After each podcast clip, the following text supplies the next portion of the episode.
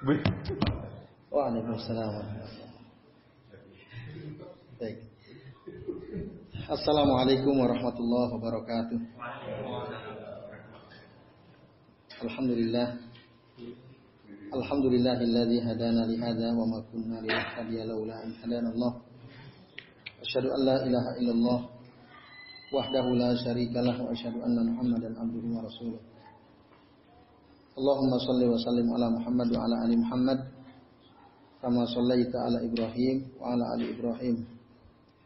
Wa barik ala Muhammad wa ala ali Muhammad kama barakta ala Ibrahim wa ala ali Ibrahim fil alamin innaka Hamidum Majid. Amma ba'du. Ikhwas sekalian, azani Allah wa iyyakum ajmain. Alhamdulillah pada malam hari ini atas izin Allah kita masih bisa bertemu ya, untuk sama-sama ngaji kitab Sittud Durar min Usuli Ahli Athar. Dan alhamdulillah pada malam ini kita sudah memasuki bab baru yaitu bab Al-Aslustani ya, landasan yang kedua untuk bisa selamat. Landasan pertama kemarin tentang apa? Tentang ikhlas ya. Mengikhlaskan agama hanya untuk Allah. Nah, yang kedua, jalan keselamatan itu adalah sebutkan di sini al-aslusani at-tariqu wahidun. At-tariqu wahidun. Jalannya hanya satu. Kalau kita ingin selamat, hanya ada satu jalan. Nah, ini prinsip kedua. Artinya tidak ada jalan lain kecuali hanya satu kalau kita ingin selamat. Apa yang dimaksud jalan yang satu ini? Mari kita perhatikan. Kata Syekh Abdul Malik Ramdhani Al-Jazairi. Beliau mengatakan, ketahuilah, i'lam rahimakallah, ketahuilah semoga Allah merahmati kamu, anna tariqal ladzi yadmanu laka nikmatul Islam wahidun. Sesungguhnya jalan yang menghantarkan kamu mendapatkan kenikmatan Islam itu hanya ada satu. La yata'addan, tidak berbilang. Jalannya cuma satu, tidak berbilang. Kenapa? Karena Allah Subhanahu wa taala telah menentukan kemenangan hanya bagi satu kelompok saja. Lihiz bin wahidin. Fakot ya. Buktinya adalah firman Allah surah Al-Mujadalah ayat 22. Di mana Allah berfirman, ya, ulaika hizbullah, mereka itulah golongan Allah. Ala inna hizballahi humul muflihun. Ketahuilah sesungguhnya golongan Allah itulah orang-orang yang akan mendapatkan kemenangan. Jadi hanya ada satu saja yang akan mendapatkan kemenangan yaitu Hizbullah. Nah, siapa yang dimaksud Hizbullah? Golongan Allah.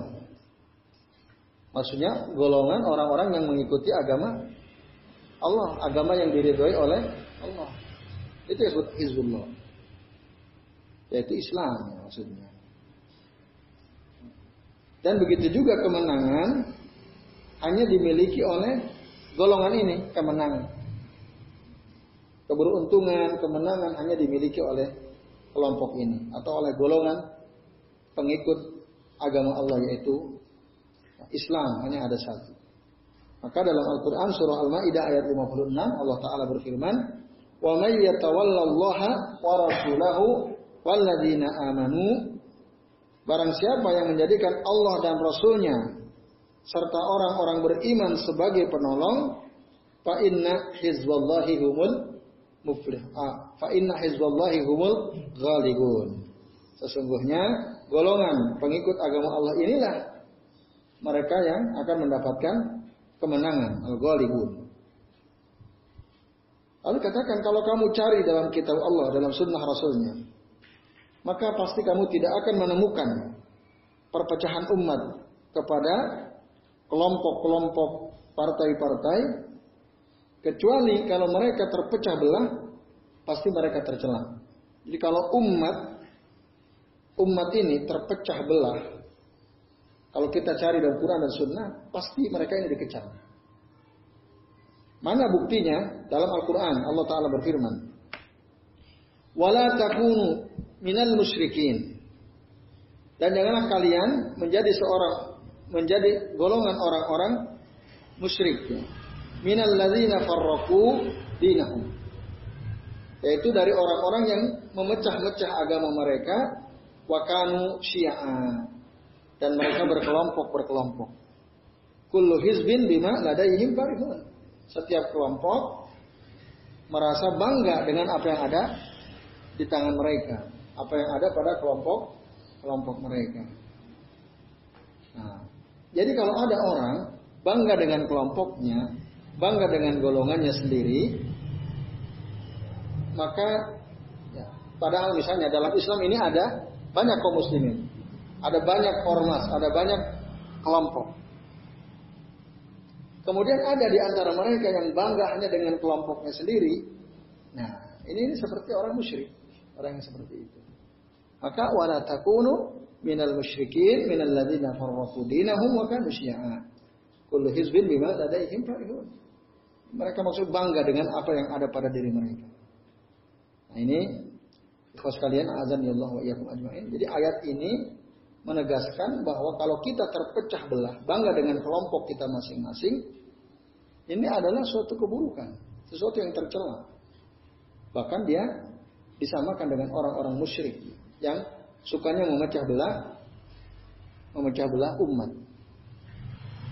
Nah, sehingga nanti ada kitab judulnya ada Talib Ma'a Syaikhihinya. Di sana dijelaskan Ulama itu ada secara garis, garis besar ada dua macam.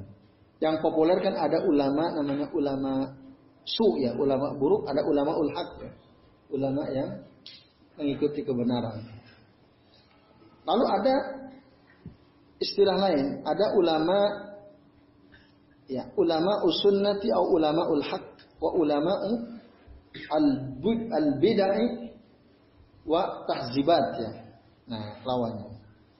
Ada ulama-ulama yang mengikuti kebenaran, ulama ul haq wa sunnah mengikuti sunnah. Jadi apa-apa ketika dia memberikan fatwa atau dia menyampaikan tausiah, nasihat, selalu mengajak orang supaya kembali kepada sunnah. Sunnah Rasul Shallallahu Alaihi Wasallam. Supaya kembali kepada Quran. Nah, itu namanya ulama ul haqqi wa ulama sunnah.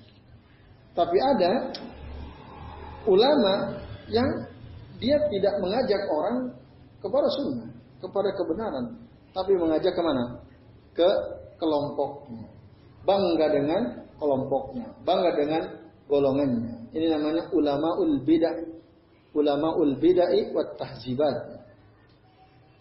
Indikatornya jelas sekali ya. Kalau antum kita ada mendengar seorang dai, seorang mubalik, seorang kiai, seorang ustaz atau seorang alim, lalu dalam ceramahnya itu dia selalu membangga-banggakan kelompoknya, kelompoknya sendiri.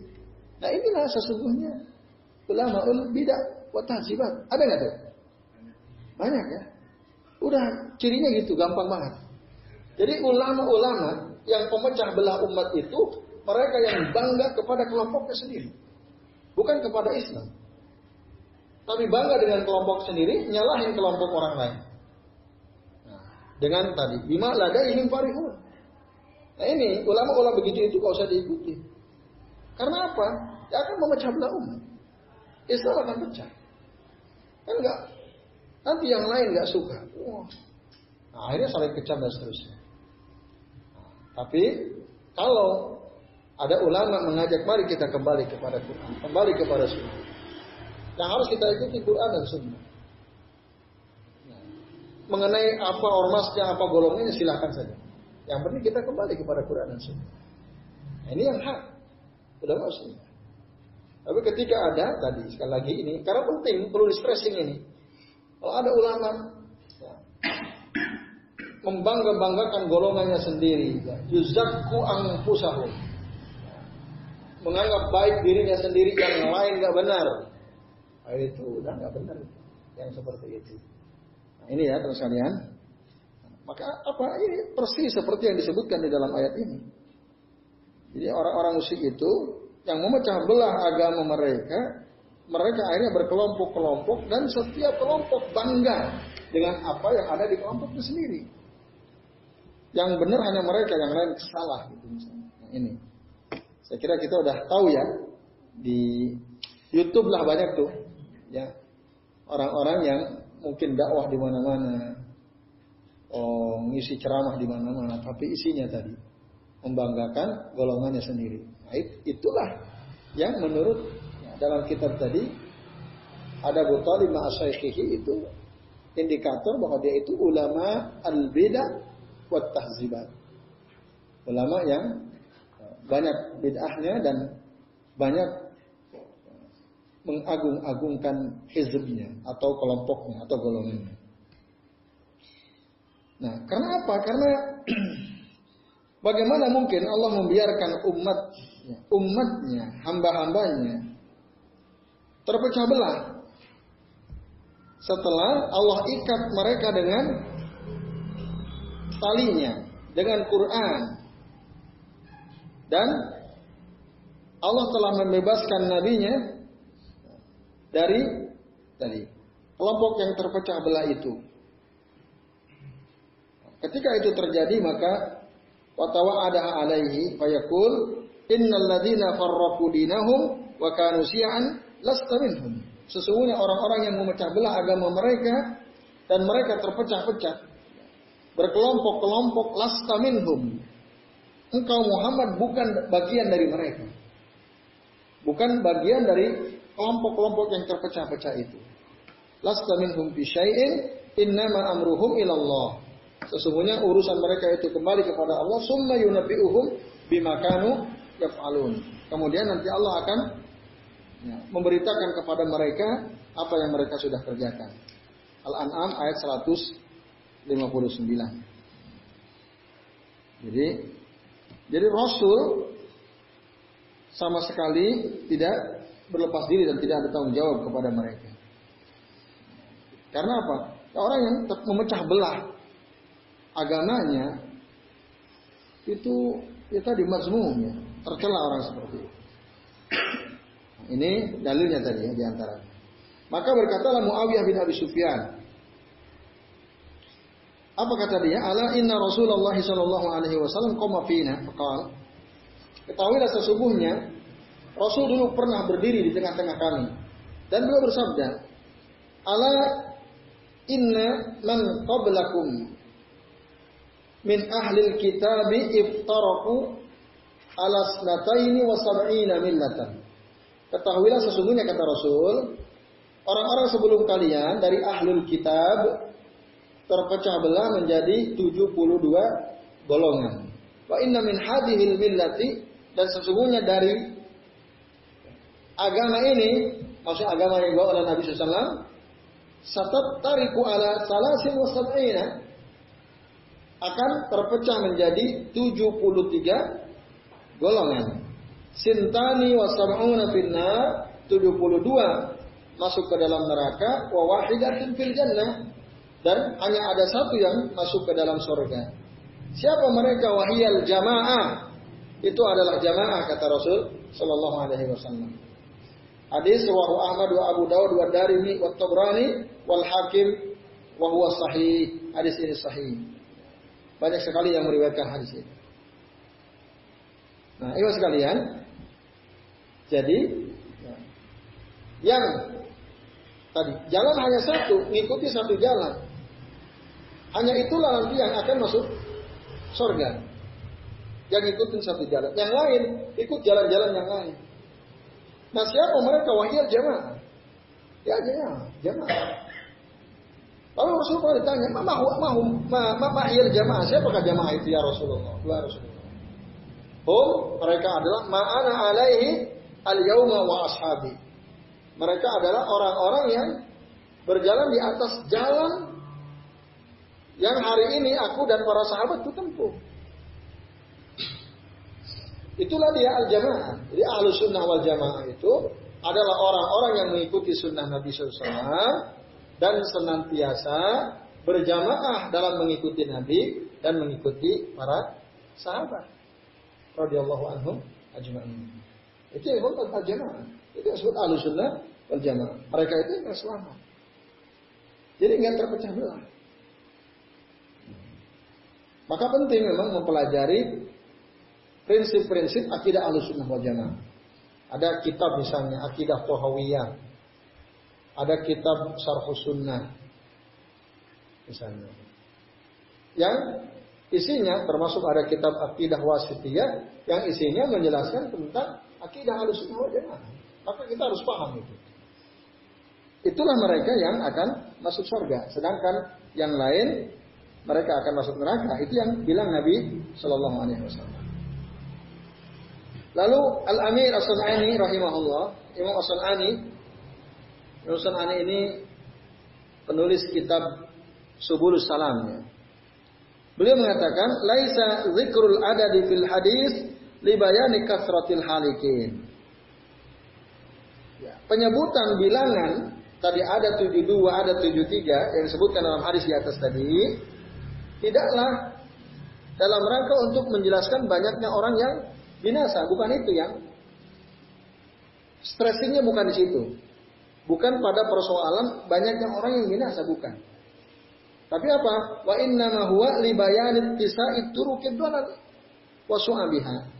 Sesungguhnya hadis tadi itu untuk menjelaskan tentang luasnya dan banyaknya jalan-jalan kesesatan. Banyak sekali tawaran-tawaran jalan kesesatan yang ditawarkan kepada kita. Itu hadis itu bicara soal itu.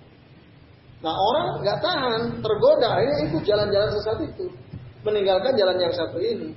Akhirnya mereka masuk neraka. Itu kata Imam Sulani. Jadi hadis ini bicara soal banyak jalan yang sesat, tapi justru menarik. Itu yang diikuti. Yang satu ini mungkin kurang menarik gitu. Tapi justru itu yang menyelamatkan.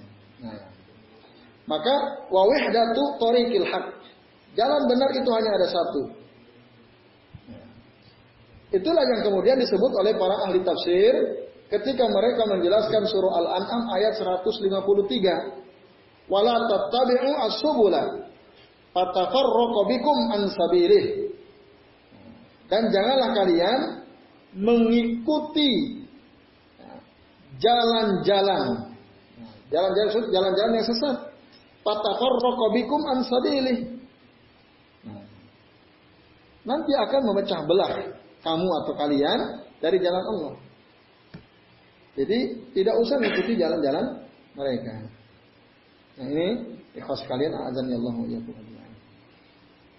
Jadi hanya ada satu jalan yang benar, yang lain tidak benar maka jangan jangan diikuti. Lalu katakan annahu jam'us subul al-manhiyu an ittiba'iha dibayani tasa'u biturukid dalal wa kasratiha wa sa'atiha.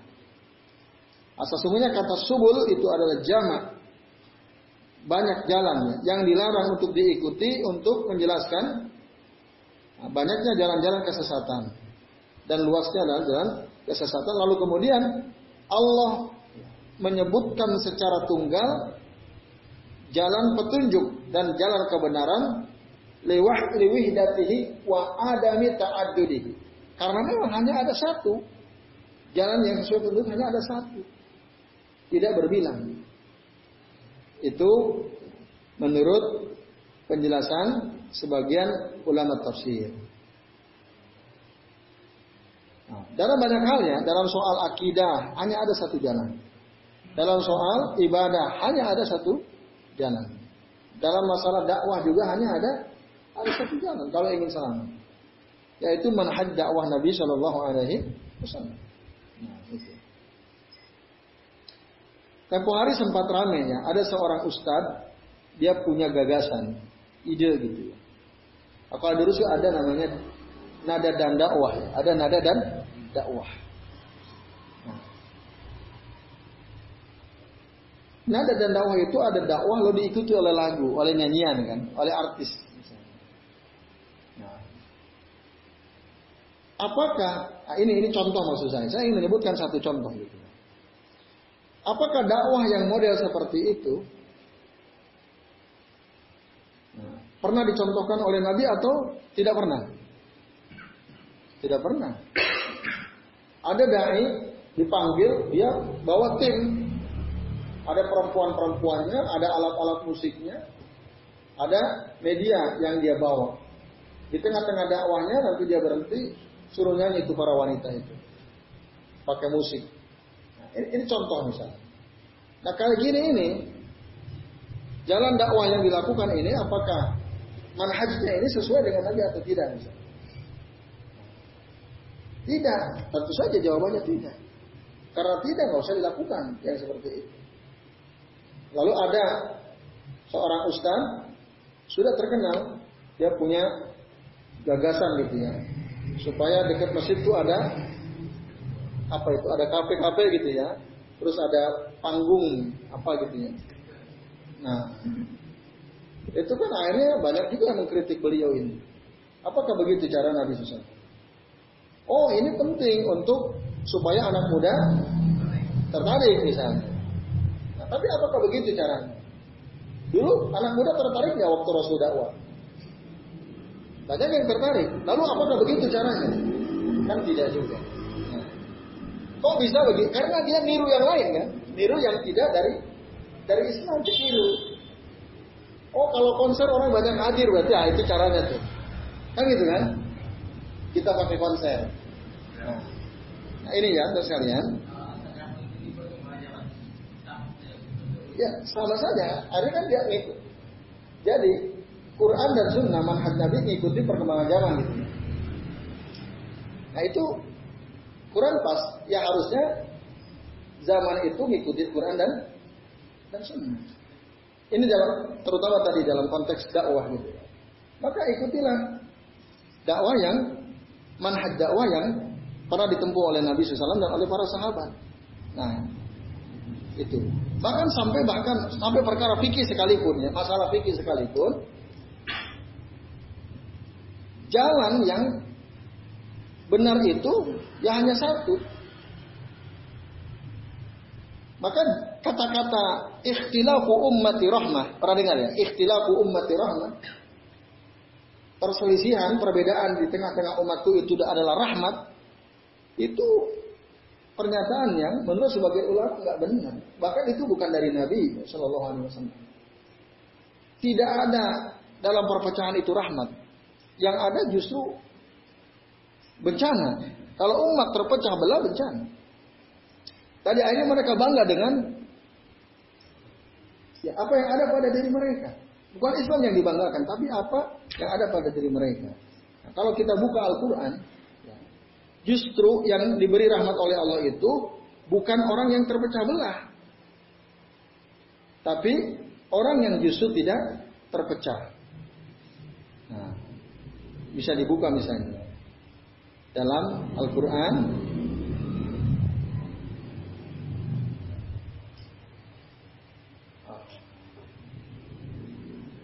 mukhtalifin dalam surah Hud ayat 118 antum bisa buka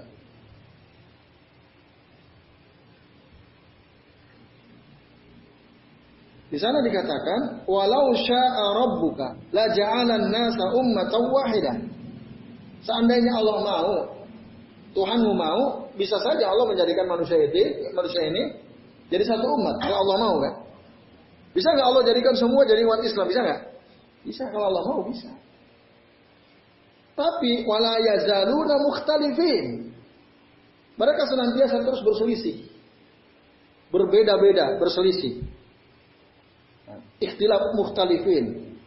Illa man rahima rabbuka kecuali yang dirahmati oleh Tuhanmu. Itu yang tidak berselisih. Ada istisna. Kalau Allah mau bisa Allah Allah bisa saja jadikan umat ini jadi satu umat. Tapi manusia itu kecenderungannya ngikutin hawa nafsu. Itu. Kalau Allah mau bisa aja. Tapi Allah juga kan beri kewenangan, beri pilihan kepada Allah memberikan pilihan kepada manusia. Nah dengan pilihannya itu Akhirnya mereka lebih banyak dikuasai oleh hawa nafsunya. karena dikuasai oleh hawa nafsu, enggan bersatu, nggak mau, jadi mereka bangga dengan golongannya masing-masing. Akhirnya wala yazaluna mukhtalifin. Mereka terus berselisih, illa kecuali siapa yang nggak berselisih? Man rahima rabbuka. Orang-orang yang dikasihi oleh Tuhanmu, oleh Allah Subhanahu wa taala. Jadi berdasarkan ayat ini, justru rahmat itu ada pada mereka yang tidak berselisih. Ketika terjadi perselisihan dalam masalah fikih, ibadah atau fikih dakwah misalnya. Itu namanya dalam Al-Quran disebut at-tanazu. Maka dalam Al-Quran, fa in tanaza'tum fi syai'in apabila kalian berselisih dalam satu perkara, farudduhu ilallahi wa rasulih. Kembalikan pada Allah dan Rasulnya. Itu jalan yang satu-satunya jalan keselamatan yaitu kembalikan saja kepada Allah dan Rasulnya. Di sini ayat ini membatasi hanya Allah dan Rasulnya. Yang lain nggak dianggap udah. Kalau sebelumnya kan ada. Ya. Atiullah wa atiur Rasul wa ulil amri minkum kan itu. Taatilah Allah dan taatilah Rasul dan taatilah ulil amri. Ulil amri siapa? Al ulama wal umara kan itu. Ulama dan umara. Tapi ketika kalian berselisih, fa in tanaza'tum fi syai'in mungkin ulama ini bilang A, ulama ini bilang B, yang ini bilang C dan seterusnya. Beda-beda pendapat. Soal misalnya celana di atas mata kaki, soal cadar misalnya. Kan beda-beda tuh pendapat. Lalu apa patokannya? Udah, farudduhu ilallahi wa rasulih. Kembalikan pada Allah dan Rasulnya. Artinya kita kumpulin semua hadis Nabi yang bicara soal itu, nah, nanti kita bisa ambil kesimpulan. Ikutilah apa yang paling kuat. Berdasarkan dalil yang paling kuat dan paling paling banyak. Ah saya enggak, saya ikut ulama ini aja. Nah, ini udah gak benar nih. Padahal misalnya ada dalil banyak sekali. Nah, ini ya. Jadi kembali kepada Allah dan Rasul. Itu yang memutuskan. Bukan ulama, bukan umarok ketika terjadi ber, berselisih. Itulah jalan yang satu yang dimaksud itu itu. Kembali pada Al-Quran dan Sunnah. Nah, maka itu sekalian dari ya. Jadi kata Imam As-San'ani hadis tadi ya yang umat itu akan terpecah menjadi 73 golongan itu sesungguhnya sedang menjelaskan bahwa banyak sekali jalan-jalan kesesatan dan itu diikuti karena mungkin menarik sesuai dengan hawa nafsu kita. Lalu Abdullah bin Mas'ud radhiyallahu anhu beliau pernah juga cerita, kan kata beliau, khat khattalana Rasulullah sallallahu alaihi wasallam khattan. Suatu kali Rasul bilang membuat garis di atas pasir gitu ya, buat garis. Summa qala hadza sabi ya hadza sabilullah. Buat garis satu. Nah ini jalan Allah. Summa qatta khututan an yaminihi wa an shimalihi. Lalu bikin ya, garis-garis lain dari sebelah kanan dan sebelah kirinya. Summa qala lalu Rasul mengatakan, "Hadhihi subul, ini jalan-jalan." Wa ala kulli sabilin min hasyaitanun yad'u ilaih. Dan setiap jalan-jalan yang ada di kanan kiri ini ada syaitan. Syaitan manggil-manggil kita untuk lewat jalan itu. Padahal jalan Allah hanya satu. Tolong saya ayo sini aja. Ayo gunakan cara ini saja. Ayo begini saja dan seterusnya. Nah, ayo orang tertarik. Nah, maka wa ala kulli sabil min hasyaitan yad'u ilaih. Setiap jalan itu ada syaitannya dan syaitan menyeru-nyeru, manggil-manggil kita. Summa qara'a. Kemudian Rasul membaca ayat Al-Quran surah Al-An'am ayat 153. Kalau Allah Ta'ala wa anna hadza sirati mustaqiman fattabi'uhu. Dan sesungguhnya ini adalah jalanku yang lurus, ikutilah ini. Wala tattabi'u subula dan janganlah kalian mengikuti jalan-jalan lain fatafarraqu bikum an sabilihi. Kalian nanti akan terpecah, memecah dari jalan Allah Subhanahu wa taala. Nah, ini kata Rasul sallallahu alaihi wasallam mengutip surah Al-An'am ayat 153. Maka hadis ini menunjukkan bahwa hanya ada satu jalan. Jalan keselamatan hanya ada satu. Tidak tidak lebih dari itu. Ibnu Qayyim mengatakan Ini ya, li'anna tariq al-muwassal ila Allah wahidun. Karena jalan yang bisa menghantarkan kita kepada Allah itu hanya satu. Wa huwa ma bu'isa bihi rusuluhu wa anzala bihi kutubu. Dia adalah jalan yang diutus dengannya para rasul. Yang diturunkan dengannya kitab-kitab dia. Wala yasilu ilaihi ahadun illa min hadzal tariq min hadhihi. Dan tidak ada orang bisa sampai kepada Allah kecuali lewat jalan ini. Maksudnya apa jalan ini nanti akan dijelaskan lagi. Tadi tariqul kitab wa sunnah.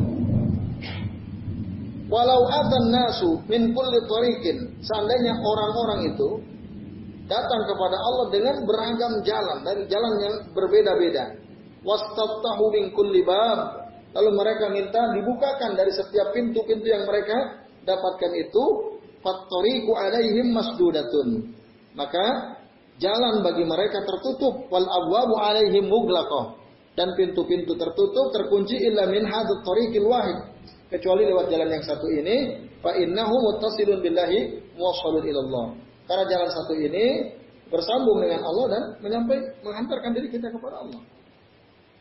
Nah, ini jadi jalan-jalan yang banyak itu hanya akan memalingkan kita dari jalan yang benar tadi ya Nah, ini ikhwas kalian azan ya Allah wa iyyakum ajmain. Lalu kemudian itu Qayyim mengatakan, "Man istatala tariq dha'ufa."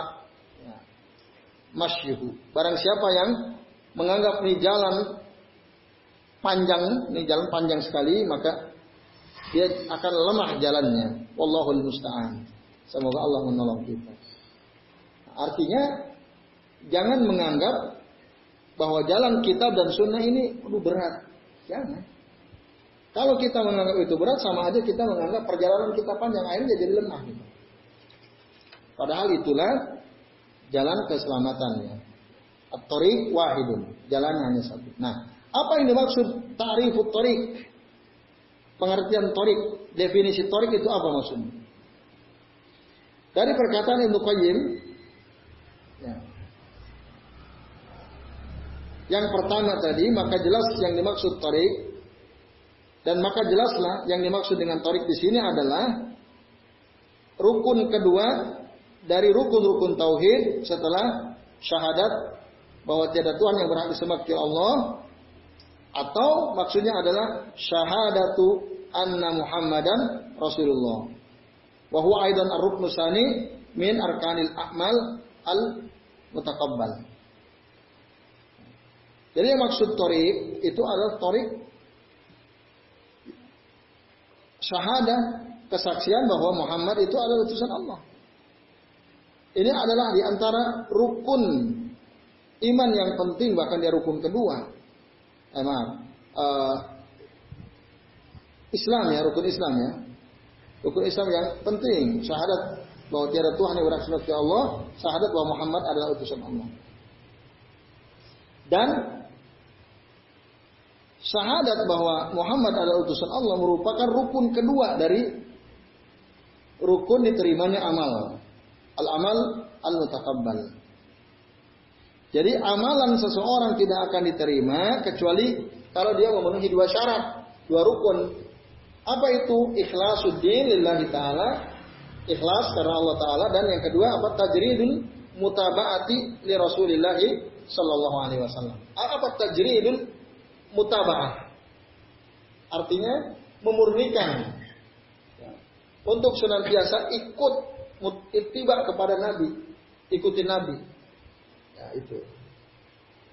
Itu yang dimaksud tariknya. Jadi ittiba kepada Nabi SAW. Nah, kata Sa'adul Malik Ramdhani Al-Jazairi, nah aku saat ini bisodadil istidlali hadhil qaidatil masyurah. Di eh, sedang menjelaskan dalil dari kaidah yang masyur ya. Karena tujuan akhir dari pembahasan ini adalah menjelaskan tentang jalan kenabian yang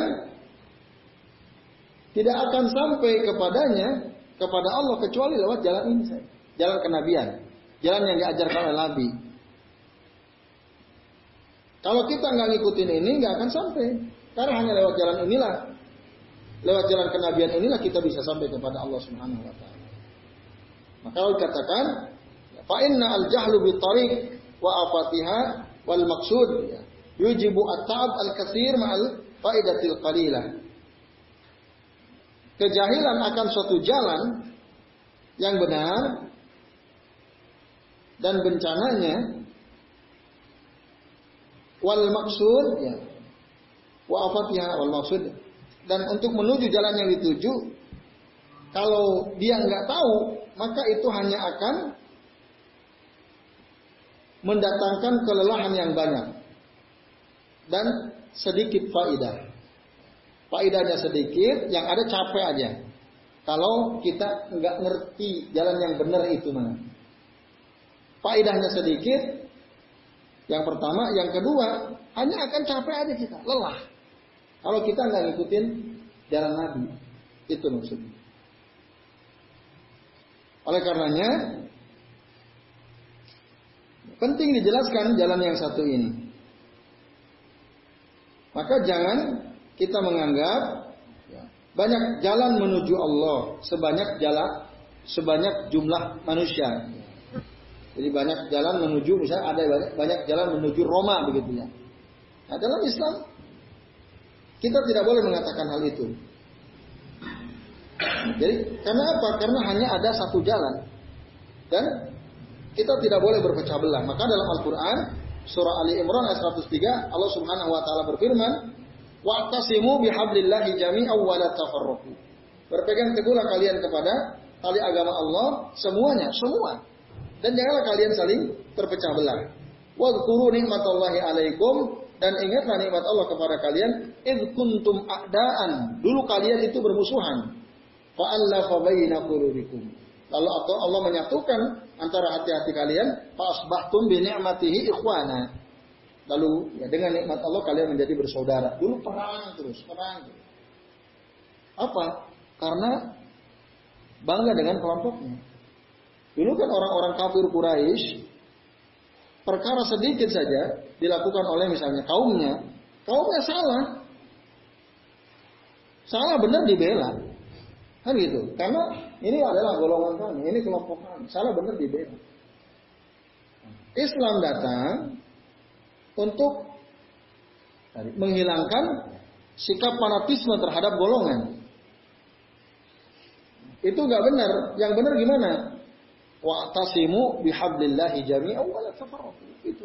Berpegang teguhlah kepada jalan eh, dengan kepada tali Allah semuanya, jangan kalian terpecah belah. Dulu bermusuhan setelah Rasul datang, akhirnya bersatu kan semua kaum muslimin bersatu waktu itu. Tapi kemudian sekarang pecah lagi. Karena apa yang dilakukan oleh orang-orang dulu, orang-orang musyrik dilakukan lagi. Itu kan, mereka tadi gimana ada ihim parihun. Bangga dengan apa yang ada di golongannya sendiri. Nah, ini ikhwas kalian azan Allah nah. Lalu telah ada dulu penjelasan atau tafsir dari makna al-habl al-kafil bi jami'il muslimin. Yang dimaksud wa'tasimu bihablillah maksud apa? Kitabullah. Kitab Allah. Maka Ibnu Mas'ud mengatakan, "Inna hadha siratu muhtadar." Sesungguhnya setiap jalan-jalan ini muhtadar itu di muhtadar itu di huni ya. Tahduruhu syaitan. Dihuni oleh syaitan yunadun dan syaitan itu menyeru kepada orang-orang ya Abdullahi halum wahai hamba Allah ke sini kalian ke sini kamu hadus sirat inilah jalan liyasuddu an sabilillah untuk mencegah orang-orang dari jalan Allah fa'tasimu bihablillah maka berpegang teguhlah kalian kepada jalan tali Allah fa inna hablallahi huwa kitabullah sesungguhnya tali Allah itu yang dimaksud adalah kitab kitab Allah Subhanahu wa taala Nah, sekali lagi terus kalian, jadi Al-Quran itu mengajak kita untuk bersatu. Tidak mengajak kita untuk terpecah belah, tercerai berai. Kalau kita tercerai berai, oh udah habis nanti lama. Dulu saya baru baca ya ada artikel uh, di daerah Mesir atau di Baghdad itu ya. Waktu itu ada perpecahan, keributan antara pengikut Imam Ahmad dan pengikut Imam Ash-Syafi'i rahimahullah waktu itu. Apa yang diributkan? Masalahnya sepele. Masalahnya sepele sekali. Nah, di Baghdad ya tahun 656 Hijriah. Yang mereka ributkan soal baca bismillah itu disirkan atau dijaharkan. Itu sesuatu yang clear sebenarnya, tapi ribut mereka, bahkan saling melempar sendal. Pengikut Imam Syafi'i benci kepada pengikut Imam Ahmad. Begitu sebaliknya. Nah, kalau ketemu nggak pernah akur. Bahkan saling lempar sendal gitu. Kenapa? Tadi persoalan basmalah itu dijaharkan atau disirkan. Imam Syafi'i mengatakan dijaharkan, Imam Muhammad mengatakan sir. Karena fanatik sama gurunya, sama tokohnya, ya begitu. Tapi kalau kembali pada Quran, kembali kepada sunnah, kan clear sebenarnya. Kita udah pernah bahas kan di kitab Bulughul Maram. Udah kembali. Sementara para ulama itu, ya mereka berfatwa kan sesuai dengan ilmu yang sampai kepada mereka. Ilmu yang sampai kepada Imam Ash-Syafi'i belum tentu sampai kepada Imam Ahmad. Belum tentu, tapi bisa jadi sudah juga. Begitu halnya ilmu yang sampai kepada Imam Ahmad belum tentu sampai kepada Imam Ash-Syafi'i. Nah ketika ada hilang, perbedaan pendapat, apa yang harus dilakukan? Periksalah kedua pendapat alim itu, kedua pendapat ulama tadi, lihatlah dalilnya, ikutilah mana yang terkuat dalilnya. Kan selesai sebenarnya. Fa in tanaza'tum bi ila Allah wa jangan sudah terkadung cinta kepada ulama kita, ya kepada tokoh kita. Akhirnya itulah yang paling benar. Nah, ini bahaya sekali. Padahal Imam Malik yang mengatakan bahwa qaulur rajuli yuraddu wa yuqbalu illa qaulu sahibi hadal qabr. Perkataan seseorang itu bisa diterima, bisa ditolak kecuali perkataan yang ada di kuburan ini maksudnya Rasul Shallallahu Alaihi Wasallam. Nah ini ikhlas kalian azan yang mau Jadi uh, tapi syaitan itu seneng. Ah, saya udah betul ini yang benar ini begini yang benar. Wah kalau ada orang berbeda sunat udah habis saja disikat saja. Oh, ribut. Nah akhirnya ketika terus ribut waktu itu ya Baghdad sedang diserang oleh pasukan Tartar. Di tengah-tengah musuh ribut terus mereka ribut tentang satu persoalan. Tidak mau kembali kepada sunnah, ribut. Akhirnya karena sering ribut, terpecah belahlah kaum muslimin ketika diserang oleh pasukan Tartar, habis. Nah, jadi habis. Kalah kaum muslimin. Nah, itu sebab ikhtilaf ya, perpecahan terus dibangga-banggakan itu. Itu bahaya dia. Nah, dalam Al-Quran disebutkan. Iya. Kalau orang terus menerus berbeda pendapat, uh, ada ayat yang menjelaskan bahwa nanti mereka akan semakin lemah.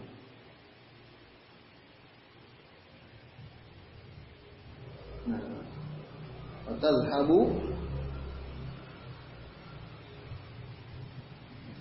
ini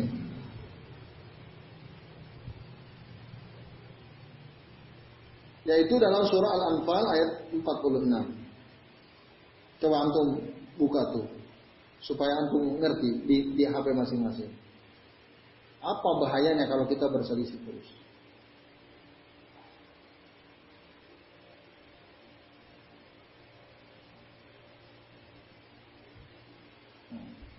Al-Anfal ayat 36. Ayat 6 apa? 46. Kan jelas tuh, pesan Allah jelas sekali perintahnya.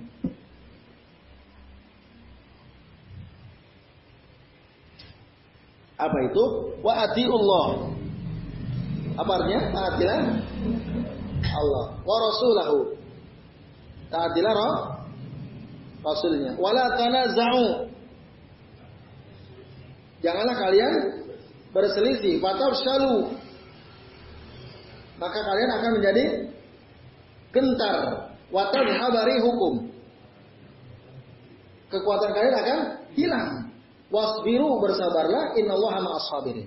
Sesungguhnya Allah ada bersama orang-orang sabar. Jadi bahayanya at-tanazuk berselisih itu kita akan semakin lemah. Kita akan gentar kepada musuh. Nah supaya enggak ada tanazuk, tadi ati Allah wa ati Rasul. Udah ikuti Allah dan Rasul. Jangan ikuti tokoh yang kita cintai itu. Jangan fanatik terhadap tokoh. Tapi lihatlah, kembalilah kepada Al-Quran dan Sunnah. Rumusnya itu, itulah yang disebut at-tariq wahidun. Jalannya hanya satu, yaitu taat kepada Allah dan Rasul. Ikuti Quran dan Sunnah. Itu ikhlas kalian azan Allah. Ketika ada perbedaan, nah, udah yang kita ikuti mana yang paling rajin, yang paling kuat dalilnya itu yang kita ikuti.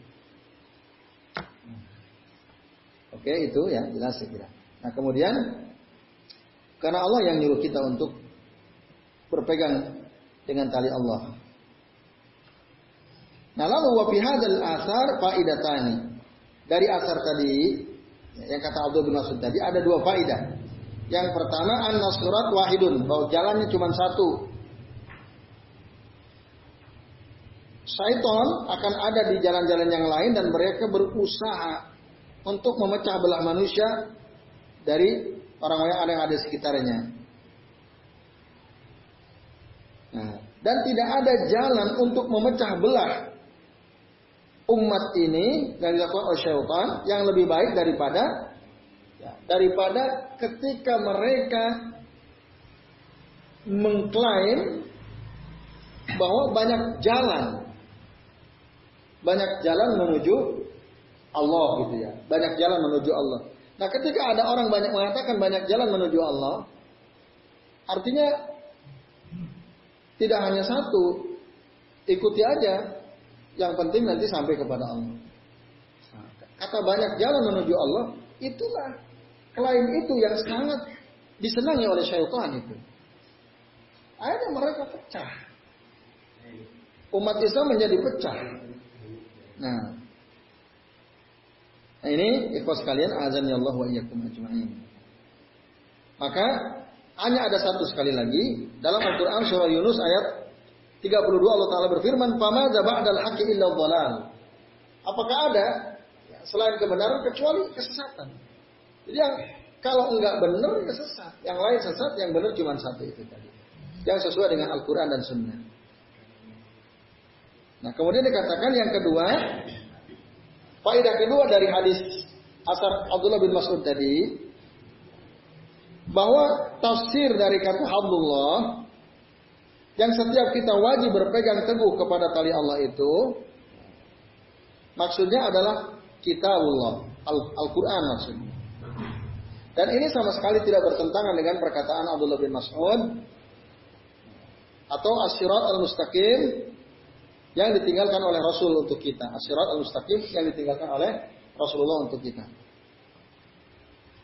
Apa yang ditinggalkan oleh Rasulullah? Yang dimaksud asyirat al-mustaqim yaitu Dua, taraktu fikum ma tamassaktum bihi lam tadillu ba'di abadan.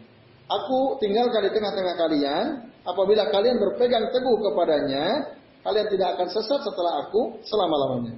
Apa yang dimaksud? Kitabullah wa sunnati. Kitab Allah dan sunnahku.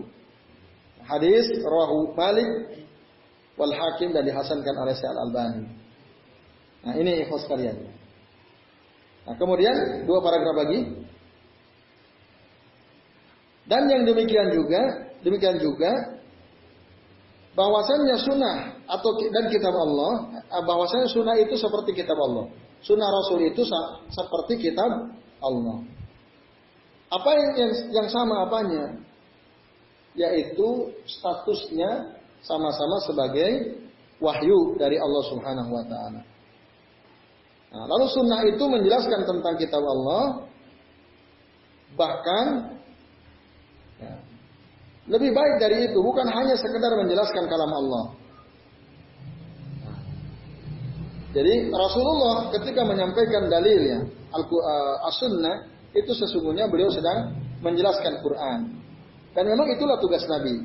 Wa anzalna ilaika az-zikra dan sungguh telah kami turunkan kepadamu az-zikra Al-Qur'an litubayyana lin-nasi ma nuzila ilaihim. Supaya kamu menjelaskan kepada manusia apa yang telah diturunkan kepada mereka. Jadi tugas Rasul itu menjelaskan Quran.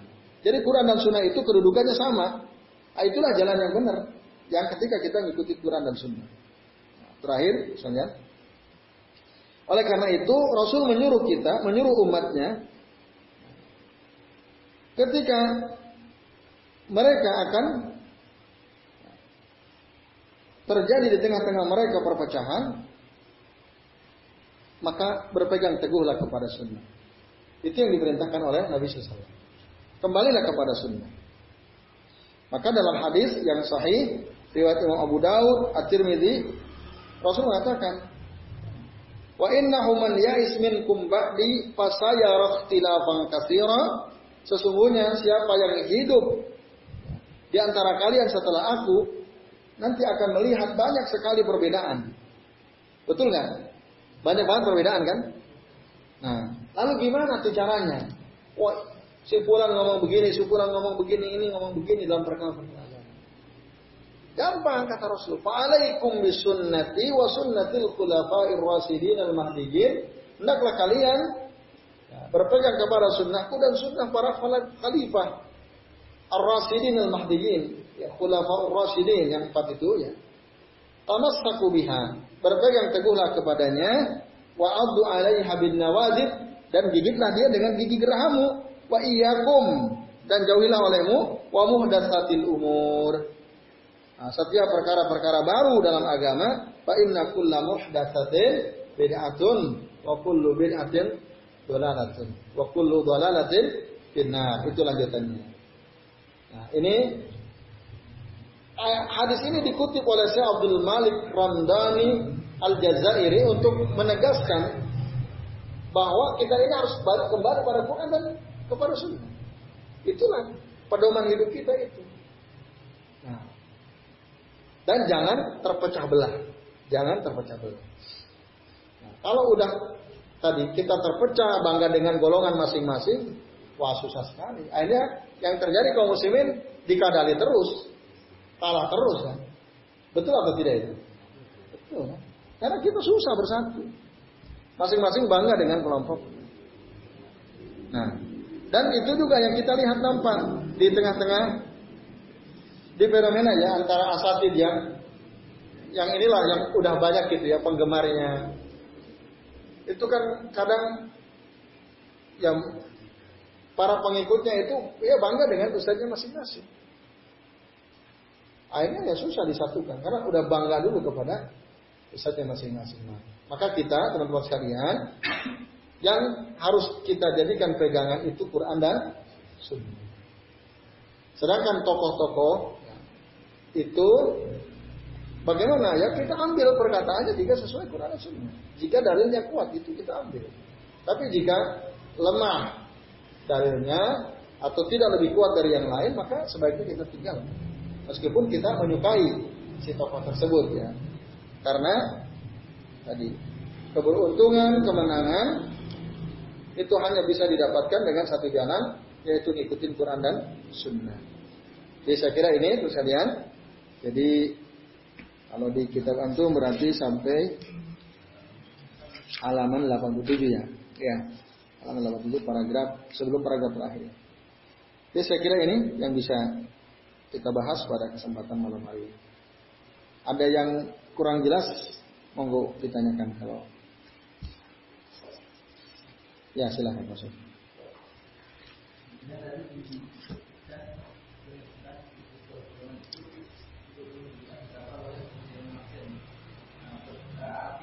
Nah.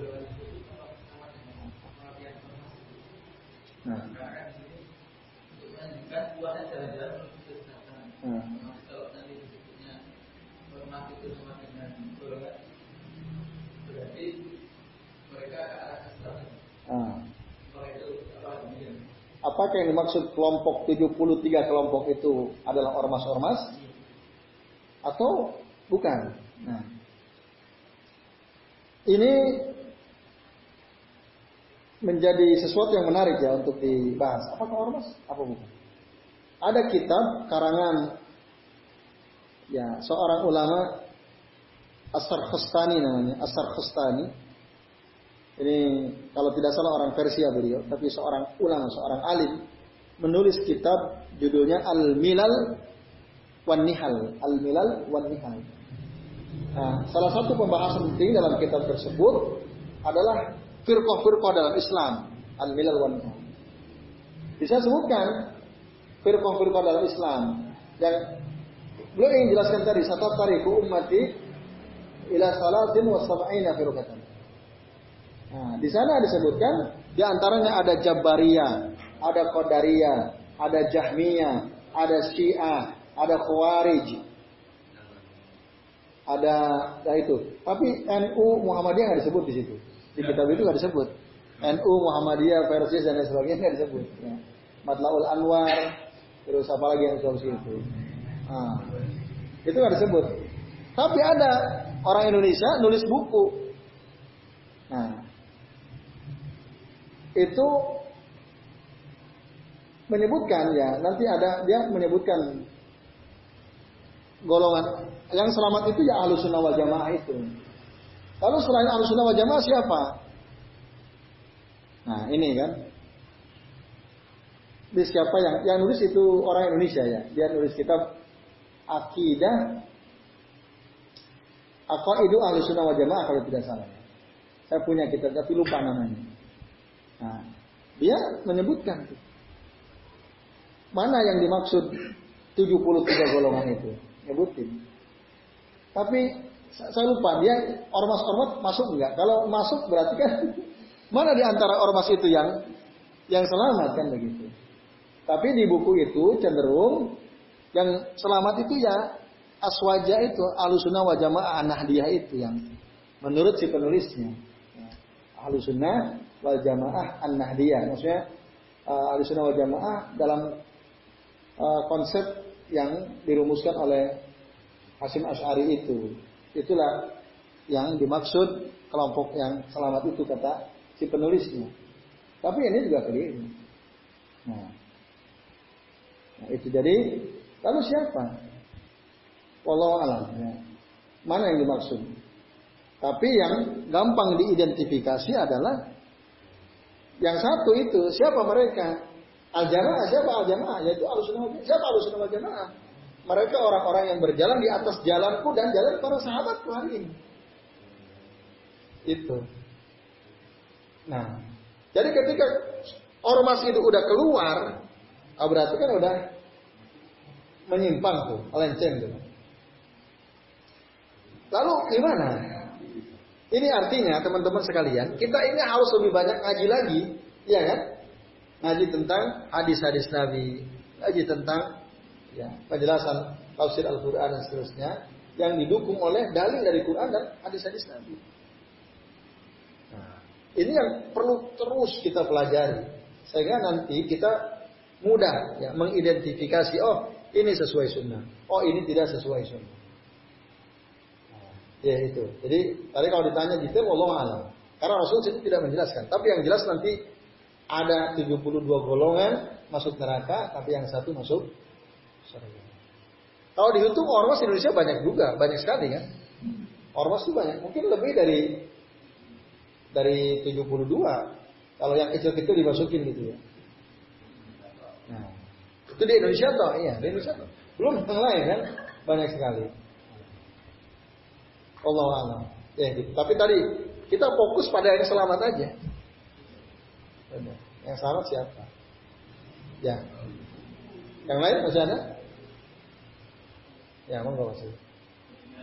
Ada dua orang selisih yang dari yang Ya. Dua-duanya kuat.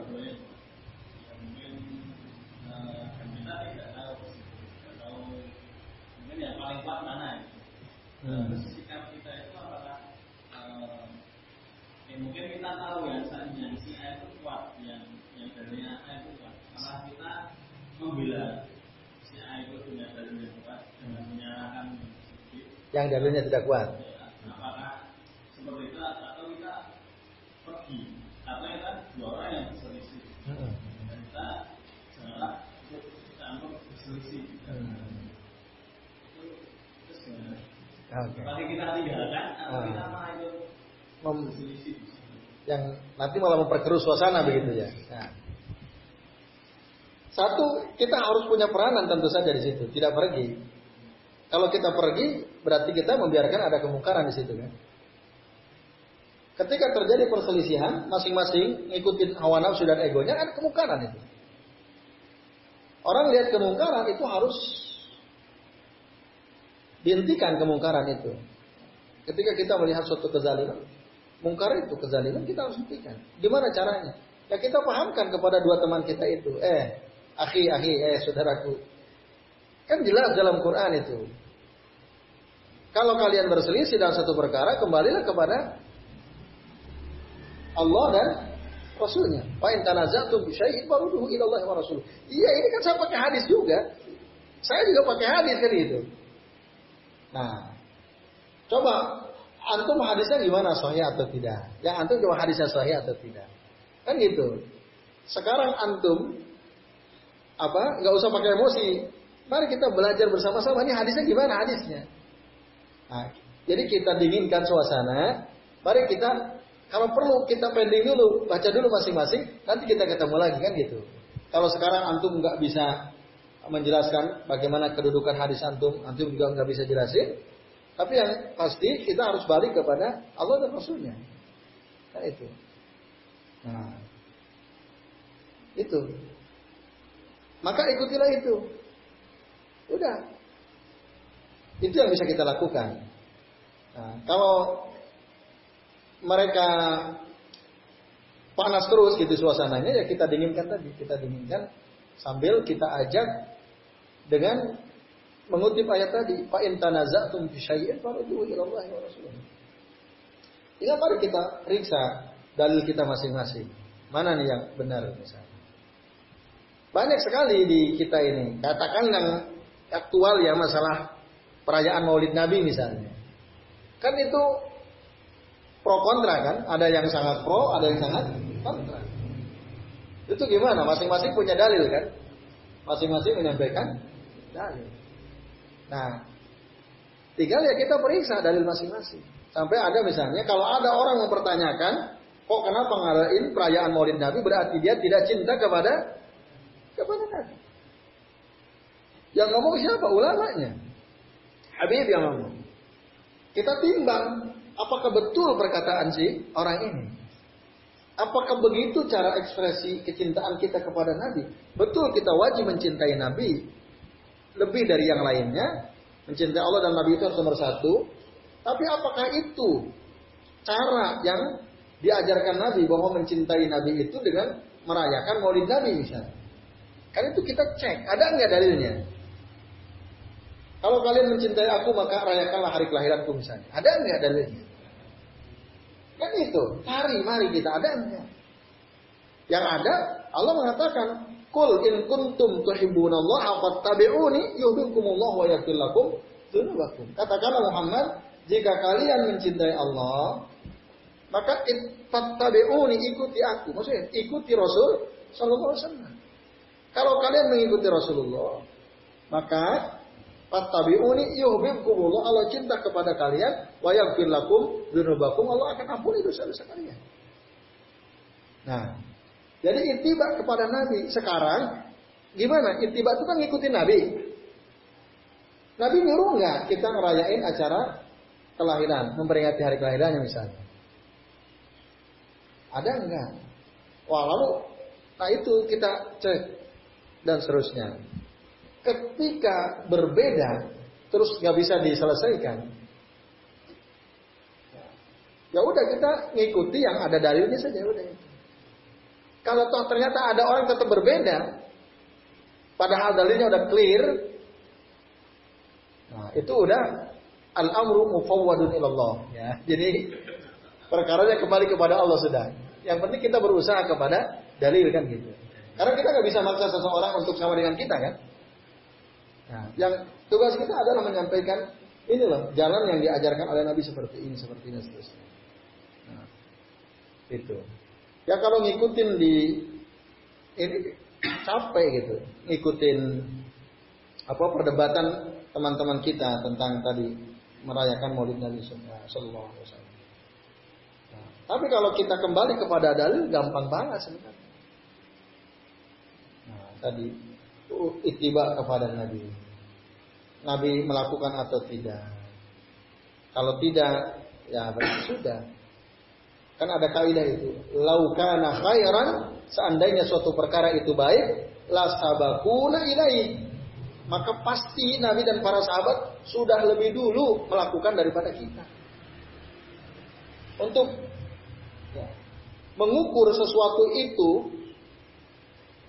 benar atau tidak, sesuai dengan sunnah atau tidak, maka tadi kembali kepada Nabi dan para sahabat ini.